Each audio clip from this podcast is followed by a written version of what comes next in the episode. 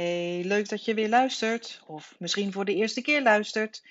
Ik heb vandaag voor jou een hele mooie lijst met allemaal opsommingen over stemregels.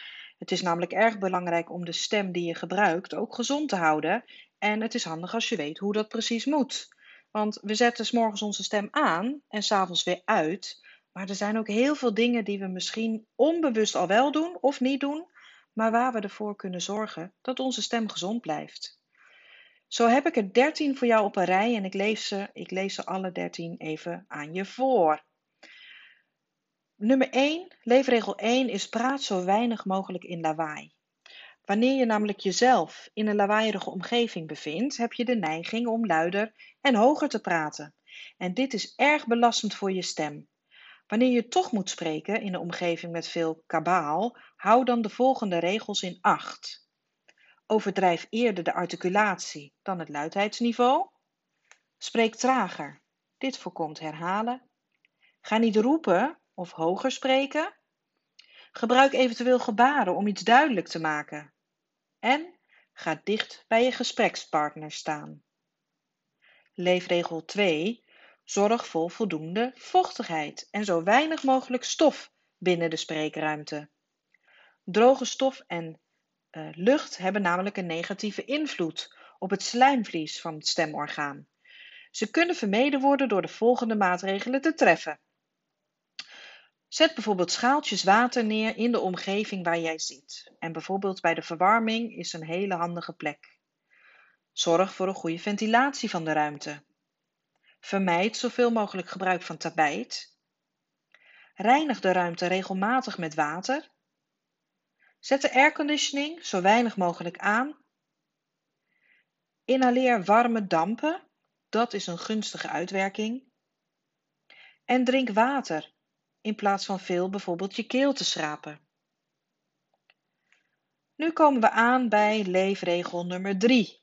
Vermijd stemmisbruik. Roepen, gillen en zeer luid spreken vallen onder stemmisbruik. En deze stemgedragingen zijn erg belastend voor de stem en worden het liefst vermeden. Wanneer je een grote afstand moet overbruggen, dan kan het ook heel efficiënt via bijvoorbeeld het gebruiken van een fluit of een belsignaal. Je kunt ook in je handen klappen. Je kunt gebaren maken of je mimiek inzetten. Of duidelijker articuleren, oftewel je mond meer open doen. Leefregel 4. Vermijd keelschrapen en kuchen. Overdreven slijmproductie, bijvoorbeeld bij een allergie of bij verkoudheid, kan leiden tot keelschrapen of kuchen of hoesten. En vaak doen we het echter enkel en alleen uit gewoonte en soms kan het zelfs zo zijn dat je na een verkoudheid die visueuze cirkel vast blijft houden. Dit kwetst de stembanden en moet dan ook echt zoveel mogelijk vermeden worden. Probeer deze gewoonte dan ook af te leren. Als je dan toch last hebt van slijm of een kriebel in je keel, kun je het volgende doen.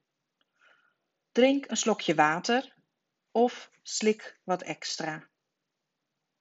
Oefen een stille kuch en dan heb ik het over huffen. En dat is, je blaast een H aan met een luchtstoot vanuit de buik en vanuit je flanken. En deze sterke luchtstroom verwijdert het slijm van de stembanden en zorgt misschien dat het kuchje en het kriebeltje ook verdwijnt. Het wordt ook wel huffen genoemd en het klinkt als volgt. Wat ook nog een hele fijne toepassing is, is het dampen in, uh, met een grote bak met water. Leefregel 5. Fluister niet. Ten onrechte ziet men fluisteren vaak als een hulpmiddel om een vermoeide stem of een heese stem te ontlasten. Maar tijdens dat fluisteren worden ze juist alleen maar meer gespannen. Want de lucht wordt met een grote wrijving door een nauwe stemspleet geperst, waardoor de stem dus eigenlijk extra belast wordt. Het is dan ook beter om niet te fluisteren. Leefregel 6. Praat niet de hele dag. De stembanden bestaan uit spieren en spieren raken vermoeid na een lange inspanning. En wanneer je bij vermoeidheid van de stem toch verder gaat praten, forceer je de stem, waardoor er nog meer vermoeidheid optreedt en je nog meer gaat forceren. En zo verder. Bouw tijdens de dag dan ook een periode van stemrust in. Stemregel 7. Leefregel 7. Verzorg uw lichaamshouding. Een goede houding is belangrijk, zeker voor professioneel gebruik, omdat de stem dan vol en krachtiger klinkt. Een goede houding helpt ook om de adembeweging te controleren. En hou daarbij rekening met de volgende tips. Sta met twee voeten stevig op de grond. Hou de schouders laag en ontspannen. Hou het hoofd recht en in het verlengde van de rug. Leefregel 8. Gebruik een lage ademhalingstechniek. Bij een hoge, oppervlakkige ademhaling blijft de inademing de buikwand vrijwel ter plaatse en is het nagenoeg alleen een lichte heffing van de ribbenkast die voor een uitzetting van de borstholte zorgt. Lage ademhalingstechniek geniet de voorkeur, gezien hierbij de grootste hoeveelheid lucht wordt verplaatst met de minste inspanning. Deze techniek kan aangeleerd worden in een logopedische therapie of bij een stemcoach. Hier hou je vooral rekening met de volgende elementen. Beweeg bij elke inademing niet alleen je borstwand, maar vooral ook de buikwand voorwaarts, oftewel abdominaal ademen. Adem behoorlijk diep in en spreek nooit door tot de lucht helemaal is opgebruikt. Adem tijdig en regelmatig opnieuw in. Leefregel 9. Zorg voor een open articulatie. Wanneer de mond tijdens het spreken onvoldoende wordt geopend, is de spraak slecht verstaanbaar.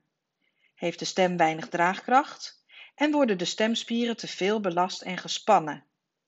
Een open articulatie is dan ook belangrijk.